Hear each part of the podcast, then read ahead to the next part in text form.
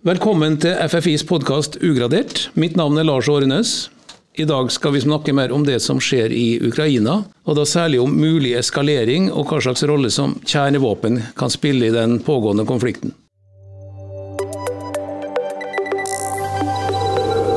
Ugradert, en podkast fra Forsvarets forskningsinstitutt. Med meg i studio har vi to FFI-forskere, Steinar Høybråten og Kristian Ottland. Kristian Ottland er sjefsforsker ved FFIs avdeling for strategiske analyser og fellessystemer. Steinar Høybråten er sjefsforsker ved FFIs avdeling for totalforsvar.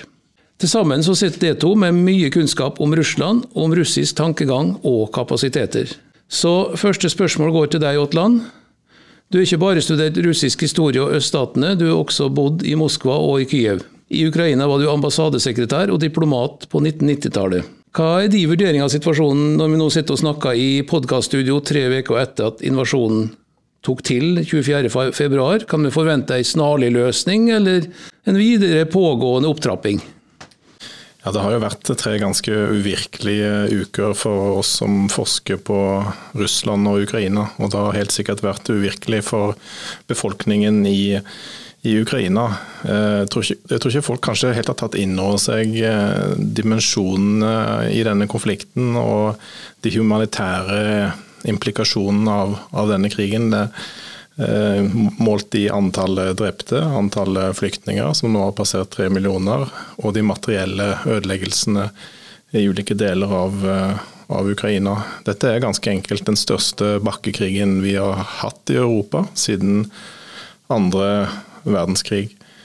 Denne krigen har jo ikke gått akkurat sånn som Russland så for seg da, da krigen starta den 24.2. De har jo møtt mye mer motstand fra ukrainsk side enn det de hadde eh, forventa, og de har hatt ganske betydelige tap. og dette kan jo ha betydning for Russlands evne til å føre denne krigen videre i dagene og ukene som, som kommer.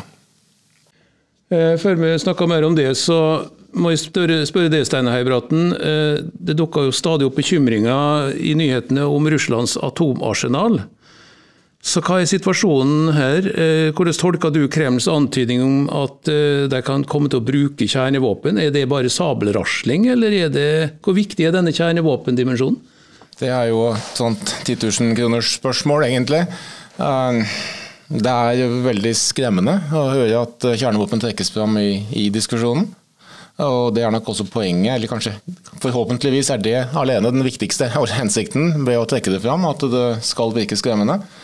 Um, det er um, vil være veldig alvorlig hvis det faktisk skjer at kjernevåpen tas i bruk, det er ikke tvil om det. Men det sitter, jeg velger å, å tro og mener at det sitter veldig langt inne. Det har jo vært nær sagt et tabu å bruke kjernevåpen altså siden annen verdenskrig, siden Hiroshima og Nagasaki i 1945. Um, og det er ikke det, det, vet jo også de som nå har snakket om kjernevåpen, altså russerne, at det vil ha kolossale konsekvenser på både politisk og kanskje også være en game changer, om du vil, i, i krigføringen. Denne informasjonen er kanskje noe som går mer til oss i Vesten enn kanskje det som blir sagt i Russland. Det vet jeg ingenting om. Men eh, Åtland, du har kanskje litt oversikt over hvordan Russland eller russere ser på dette, eller hva slags beskjeder de har fått nå. Er jo, Putin er jo stadig strengere, men eh, kanskje det har alternative kanaler? Ja, det, Nå er det veldig strengt regulert hva det er lov å si og ikke si om denne krigen i Russland. Det er jo ikke engang lov å kalle det for en krig, det er jo forbudt. Eh, det skal kalles for en spesialoperasjon. Og russiske lærere uh, har jo fått streng instruks om hva de skal si om denne krigen. At de må omtale dette regimet i Kiev som en gjeng med kuppmakere og nazisympatisører. Og at det skjer et uh, folkemord på russere i Donbass osv. Uh, det var jo en historie her for en uke eller to siden om en tolvårig gutt som hadde stilt noen kritiske spørsmål til, til læreren sin.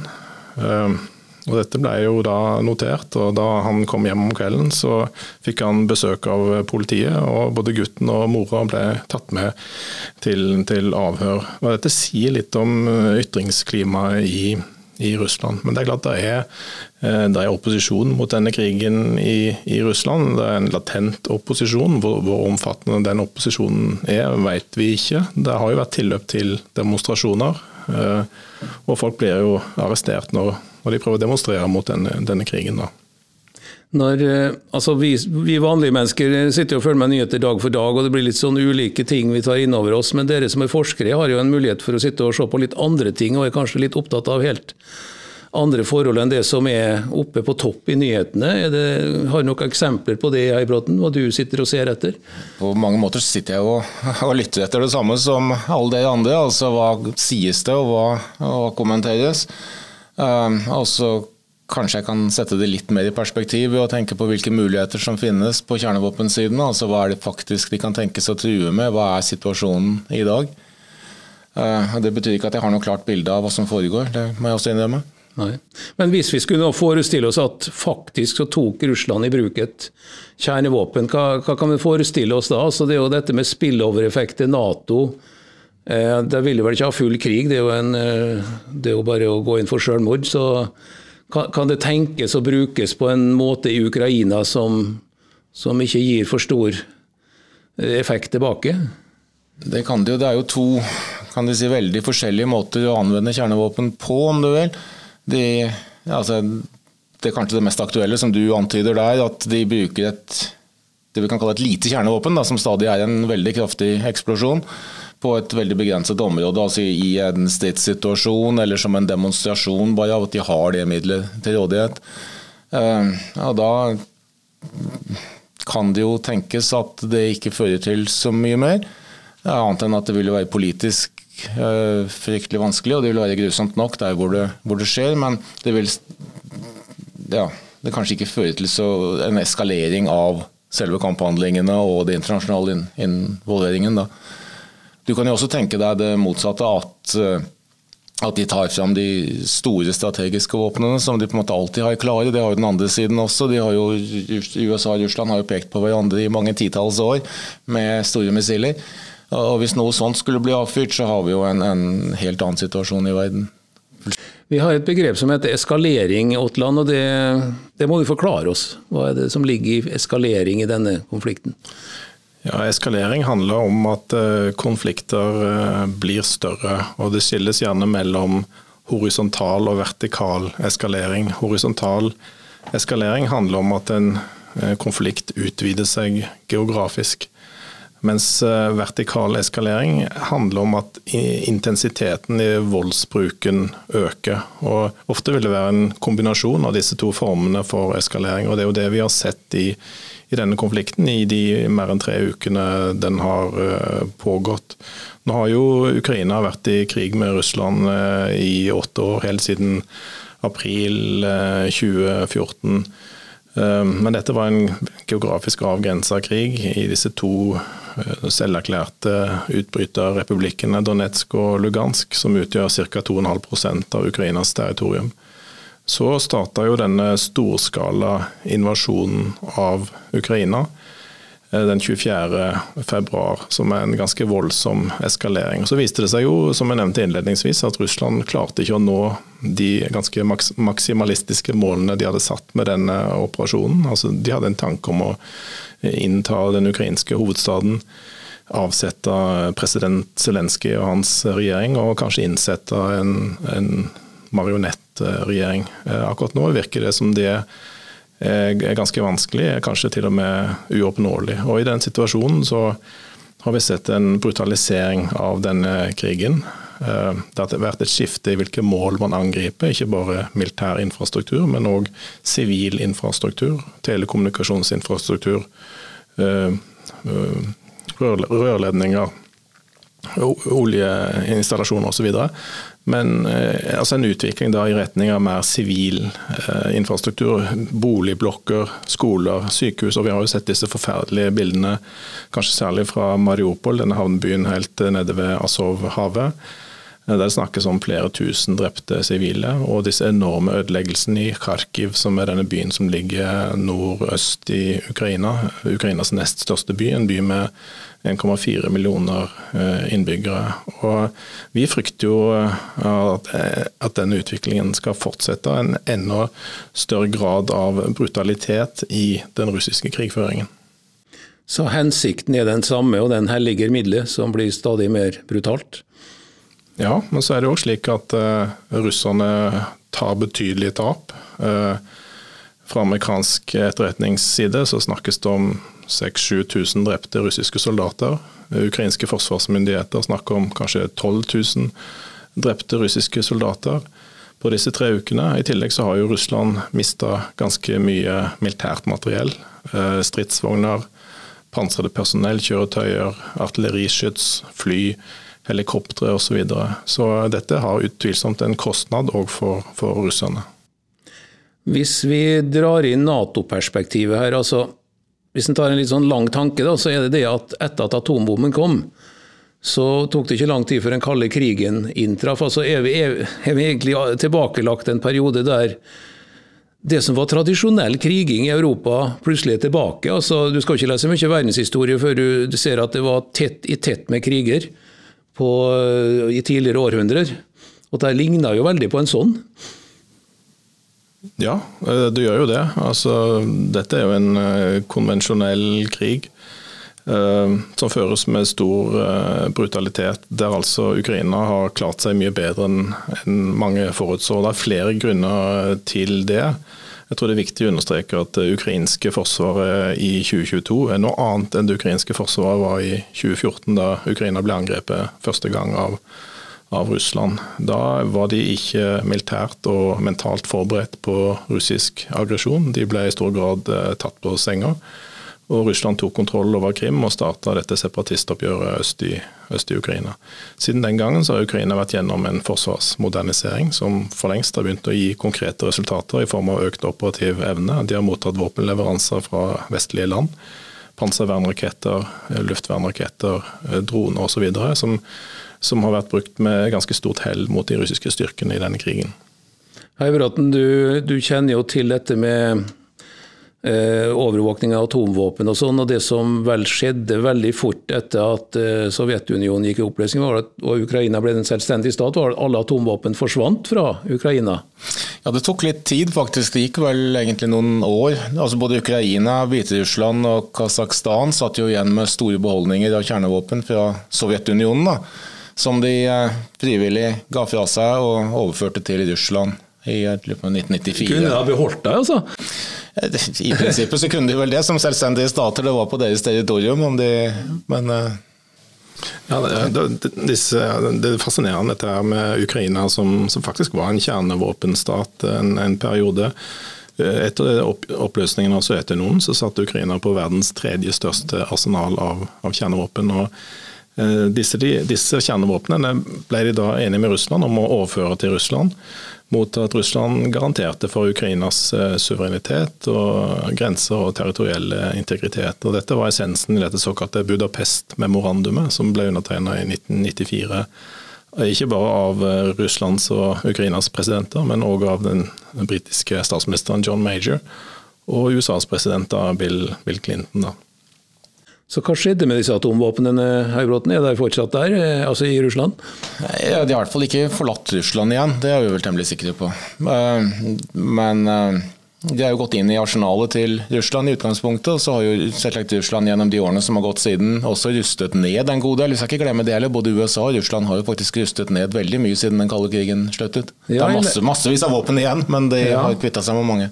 Det, altså det, hørte at det har vært oppi 70 000 kjernevåpen, og nå er det nede på rundt 6000 på hver av de, altså USA og Russland. Er det omtrent riktig? Det, det er omtrent riktig, at det var ca. 70 000 kjernevåpen i, i verden her på 80-tallet. Kan du fortelle oss bare litt om hvordan det kan skje at så mange våpen går ut av bruk? Altså, det, jo, det, er jo ikke behov for dem, hvis du skal se nøkternt på det. Hvis du skal skremme en motpart fra å angripe deg, så trenger du neppe titalls tusen kjernevåpen. Du kommer langt med ja, en håndfull, for å si det sånn, egentlig. Ja, 6000 er iallfall en håndfull. Det er en veldig stor håndfull stadig. Eh, I Ukraina er det, sitter og ser på den atomtrusselen, Otland. Er det noe som er inne i regnestykket? Eh, kanskje ikke så mye for Ukraina, men det er klart det, er en faktor i forholdet mellom Russland og, Nato. Eh, og Særlig fordi Russland aktivt truer med, med bruk av, av kjernevåpen. da. På Nato-hold så er det primære fokuset å forsvare alliansens eget territorium og unngå en en spredning av denne konflikten inn på Nato-territorium. og Det er blitt gjentatt flere ganger da, at Nato skal forsvare hver tomme av sitt, sitt territorium. Um, ja, Skal det ikke mer enn en blindgjenger til, da? Er det det du sier? Eller det de sier? Det skal nok litt mer til enn det. Nå har det jo vært en del hendelser da, med både angrep veldig nær eh, Ukrainas grense mot Polen. Eh, senest dette treningssenteret i Javoriv som ligger utenfor Lviv, 2,5 mil fra den polske grensen. og Det er så tett på Polen at eh, man kunne høre eksplosjonene på, på polsk side. Og Det har vært en del hendelser med droner som har kommet ut av kurs og landa på Nato-territorium, bl.a. i Romania. En annen hendelse i, i Zagreb som skapte en del skader. da. Så dette er en ganske farlig situasjon. da. Eh, hvis f.eks. en rakett skulle bli skutt inn mot Natos territorium, eh, og et sånt angrep skulle bli gjengjeldt fra, fra Nato sin, sin side. Altså, nå har vi akkurat snakka om at det ble mye færre atomvåpen, men er dette et signal om at nå må vi bare ha flere atomvåpen på alle sider, eller? Nei, jeg, jeg syns ikke det. Jeg tror vi, vi stadig har ganske mange på begge sider. Eh, det vi kan frykte litt, er jo at, at nå får kjernevåpen igjen da en stor oppmerksomhet. Og Skulle så galt skje at noe blir brukt, så vil vi jo kanskje kunne tenke oss at flere land senere vil tenke at det må vi ha også, ikke sant, for å unngå at dette her skal brukes mot oss osv. Så, så du kan få en spredning til flere stater i verden. Så det er, det er lite lystelige utsikter på en måte hvis det blir tatt i bruk. altså det vil jeg si. Dere må si litt om hva slags utsikter dere altså Dette blir jo litt sånn uh, høyttenkning, men scenarioer for det, det, det som videre skjer. Uh, Åtland, hva tror du kan skje framover. Nå har vi jo hørt at det har vært fredsforhandlinger på kammerset, men Putin har bare slått ned på det, da? Ja, det, det er klart det er en sammenheng mellom militær maktbruk og diplomati. og Begge deler skjer jo parallelt. Det har jo vært fire del fjerde runden nå med forhandlinger mellom Russland og, og Ukraina. Først, de første tre gangene så møttes partene i Minsk til samtaler. Eh, det har man jo kanskje fått litt betenkeligheter med nå på, på ukrainsk side, fordi Hviterussland jo egentlig tilrettelegger for denne krigen og krigførende part på, på Russlands eh, side. Eh, den siste runden i forhandlingene tror jeg ble gjennomført digitalt. Og så har jo Tyrkia tilbudt seg å opptre som en tilrettelegger for, for samtaler. da. De kravene som er blitt fremma fra russisk side, er for det første dette med Eh, at Ukraina skal erklære seg nøytralt. Eh, altså, dette med Ukrainas blokkfrie status. At eh, Ukraina må skrinlegge sine ambisjoner om Nato-medlemskap. Det virker som mm, det er litt bevegelse på ukrainsk side i det spørsmålet. Nå har det jo vist at de faktisk er i stand til å forsvare seg sjøl uten Nato. Så det kan kanskje gjøre gjør det spørsmålet litt mer håndterbart. Og så er det at Russland vil at Ukraina skal anerkjenne at Krim er russisk territorium. Det har det jo de facto vært helt siden februar-mars 2014. Og så er det et krav om at, eh, Russland, unnskyld, at Ukraina skal anerkjenne disse eh, selverklærte folkerepublikkene Donetsk og Lugansk som, som selvstendige stater. Da var jo det Russland anerkjente de som eh, den 21. februar, før denne invasjonen starta. Så det er en del punkter eh, eh, der Ukraina eh, og Russland kanskje kan komme til enighet. Det viktigste for ukrainerne er å få en våpenhvile, og få en fullstendig våpenhvile på plass. Men Russland klart bruker militær eskalering som et virkemiddel for å presse ukrainerne til politiske innrømmelser. og Det er jo et mønster vi har sett helt siden, siden 2014. Da. Du som kjenner disse landene så godt, du har bodd i begge og fulgt dette over mange tiår. Ble du overraska den dagen det skjedde? Det kommer litt an på når du hadde spurt meg. Hvis du hadde spurt meg tre måneder før, så ville jeg nok sagt at eh, en full russisk invasjon eh, av eh, Ukraina var nærmest utenkelig. Hvis du hadde spurt meg en uke før eller tre dager før, så hadde jeg kanskje vært litt mer usikker. Det har jo vist seg at den informasjonen som kom fra amerikansk etterretning har jo vært ganske treffsikker. Uh, invasjonen skjedde på en måte som egentlig var beskrevet i ganske god detalj av, uh, av amerikanerne. Uh, skjedde riktignok en uke etter at de hadde spådd at den skulle skje. Det var mye snakk om denne 16. februar, og 16. februar kom og gikk uten at det ble noen invasjon. og Russerne prøvde jo å latterliggjøre dette med at de liksom skulle ha en plan om å invadere Ukraina, men det skjedde jo da uken, uken etterpå. Når det gjelder dette med våpen, og vi må nesten tilbake til kjernevåpen. altså det, det, er jo internasjonale konvensjoner og avtaler, og jeg regner med at, Høybråten, at, er, at, at disse våpnene blir fulgt opp, at, du, at, land må være orientert om hva andre har, og at det, det, det er internasjonale kontrollmekanismer rundt akkurat det. Det er det jo kanskje egentlig ikke, for å si det sånn. Eh, det er, det er jo en avtale som heter New Start, som er en eh, avtale for å kutte ned på strategiske kjernevåpen. Det er en stor avtale mellom USA og Russland. Og Den har jo ført til at begge statene har blitt kvitt eh, en del våpen. Men det, er, det gjelder bare de store strategiske våpnene. Og det gjelder egentlig bare USA og Russland. Når det gjelder resten av kjernevåpnene i verden, så er det ikke noe særlig kontroll. Det vi kaller ikke-strategiske våpen eller taktiske våpen, som du kan tenke deg forestille deg i hvert fall, kan bli brukt et sted som Ukraina, så er det ikke noe kontroll på det. Og de, de, er ikke så store, det er ikke så lett å følge med fra satellitter osv. hvor de er hen. Så der er det ikke så mye hard kunnskap da, ute og går. Og så er det jo at disse våpnene også utvikler seg. altså Det er vel ikke ny, noen nyhet at du kan nærmest ha det med deg atomvåpen i en varebil. At det, det, skal ikke mye plass til for å få det med seg. Men nei, Det er absolutt ingen nyhet, for det kunne du på 1950-tallet også. Mm. Altså, de har jo lagd veldig små uh, kjernevåpen. Helt ta, ta med ryggsekken. Nesten, i hvert fall. Omtrent. Så Nei da, det, er mange måter å, skjule dem på, og det er mange måter å levere dem på. ikke sant? De kan komme ut av en, fra en torpedo eller fra en kanon eller fra noe, nesten sagt hva som helst. Altså En krig er jo per definisjon en ubalanse som til slutt må balanseres. Det, det må jo skje noe over et bord til slutt enten en kapitulasjon eller en avtale, et eller annet. Så, men, men hva, hva, vil dette bety for europeisk politikk? Er, er vi også der tilbake på 1800-tallet? Ja, altså Denne krigen har jo endra det sikkerhetspolitiske landskapet i Europa på måter som vi ennå ikke helt har klart å skjønne og ennå ikke helt har klart å ta inn over oss. Og sett fra mitt ståsted så virker det som denne krigen har vært ganske kontraproduktiv for russerne. De har jo egentlig oppnådd det motsatte av det de ønska å oppnå. De ønsker å splitte EU og Nato. og Natos og EUs medlemsland står jo mer samla enn på flere år. Eh, vi kan òg eh, komme i en situasjon der vi får flere Nato-land, f.eks. Sverige og Finland, der debatten om medlemskap har fått ny, ny energi som resultat av, av dette. Og vi kan få mer militær infrastruktur eh, i Natos østlige medlemsland. og Det er jo noe som Russland absolutt ikke har ønska. Så de har jo egentlig skutt seg sjøl litt i foten her. Vi sitter jo på FFI, og dette er jo en forskerinstitusjon som er opptatt av å finne ut hva som foregår i verden. Så ser vi for oss noen nye viktige forskningsprosjekter i måneder og år framover. Ja og nei, vi vil jo fortsette å forske på russisk forsvarsutvikling.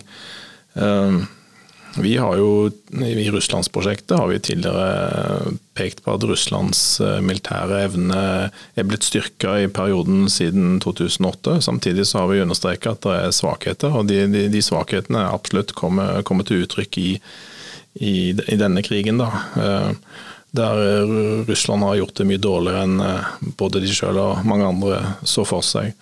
Eh, faren er selvfølgelig at pendelen svinger helt i den andre retningen. At vi nå tror at Russland er en sånn militær pygmestat, og det er jo heller ikke riktig. Så det er viktig å ha et sånn balansert syn på, på det spørsmålet. Og så er det viktig å bygge kunnskap om Ukraina. Dette er Europas nest største land, flere og 40 millioner innbyggere, 600 000 kvadratkilometer. Det er viktig å ha forskningsbasert kunnskap om, om Ukraina. Og På ditt felt, Høybråten, hva er det dere må jobbe mer med? For oss er det nok mer å fortsette det vi gjør til, til vanlig. Altså Vi prøver å følge med på hva som foregår, følge med på utviklingen generelt. og, og bidra med det vi kan. Altså, vi jo, har jo jobbet i mange år nå med nedrustningsaspekter også når det gjelder kjernevåpen, og i internasjonale samarbeidsfora på det området. Det akter vi jo å fortsette med så lenge vi får lov til. Eh, med det så tror jeg vi avslutter samtalen, men et siste spørsmål til begge. Hva slags håp har dere her, Aatland? Nei, Jeg håper jo at denne brutale krigen eh, eh, kommer til en avslutning, og at den avslutningen kommer raskt. Og de lidelsene som befolkningen, sivilbefolkningen i Ukraina er blitt utsatt for i, denne perioden, er jo helt ufattelige. Og Det gjelder eh, de tre millioner flyktningene som, uh, som, er spredd over store deler av, av, Europa. Så det er en forferdelig situasjon som Ukraina helt uforskyldt har havna i. Jeg tror det er viktig å understreke at dette er en krig som er folkerettsstridig. Et uprovosert angrep fra russisk side på på territoriet til et slavisk broderfolk. Og Jeg kan jo for så vidt eh, skrive under på det håpet som Kristian eh, kom med her. Absolutt, det er en forferdelig situasjon som Ukraina har kommet opp i. Og så får jeg jo legge til at jeg håper og for så vidt tror også at kjernevåpen ikke vil bli tatt i bruk i den sammenhengen her. Med den optimistiske tonen så takker jeg for samtalen, Steinar Høybråten og Kristian Aatland. Og dere som er interessert i mer stoff om Ukraina-konflikten, kan gå inn på ffi.no, der det også ligger flere podkaster og artikler om dette. Takk for i dag.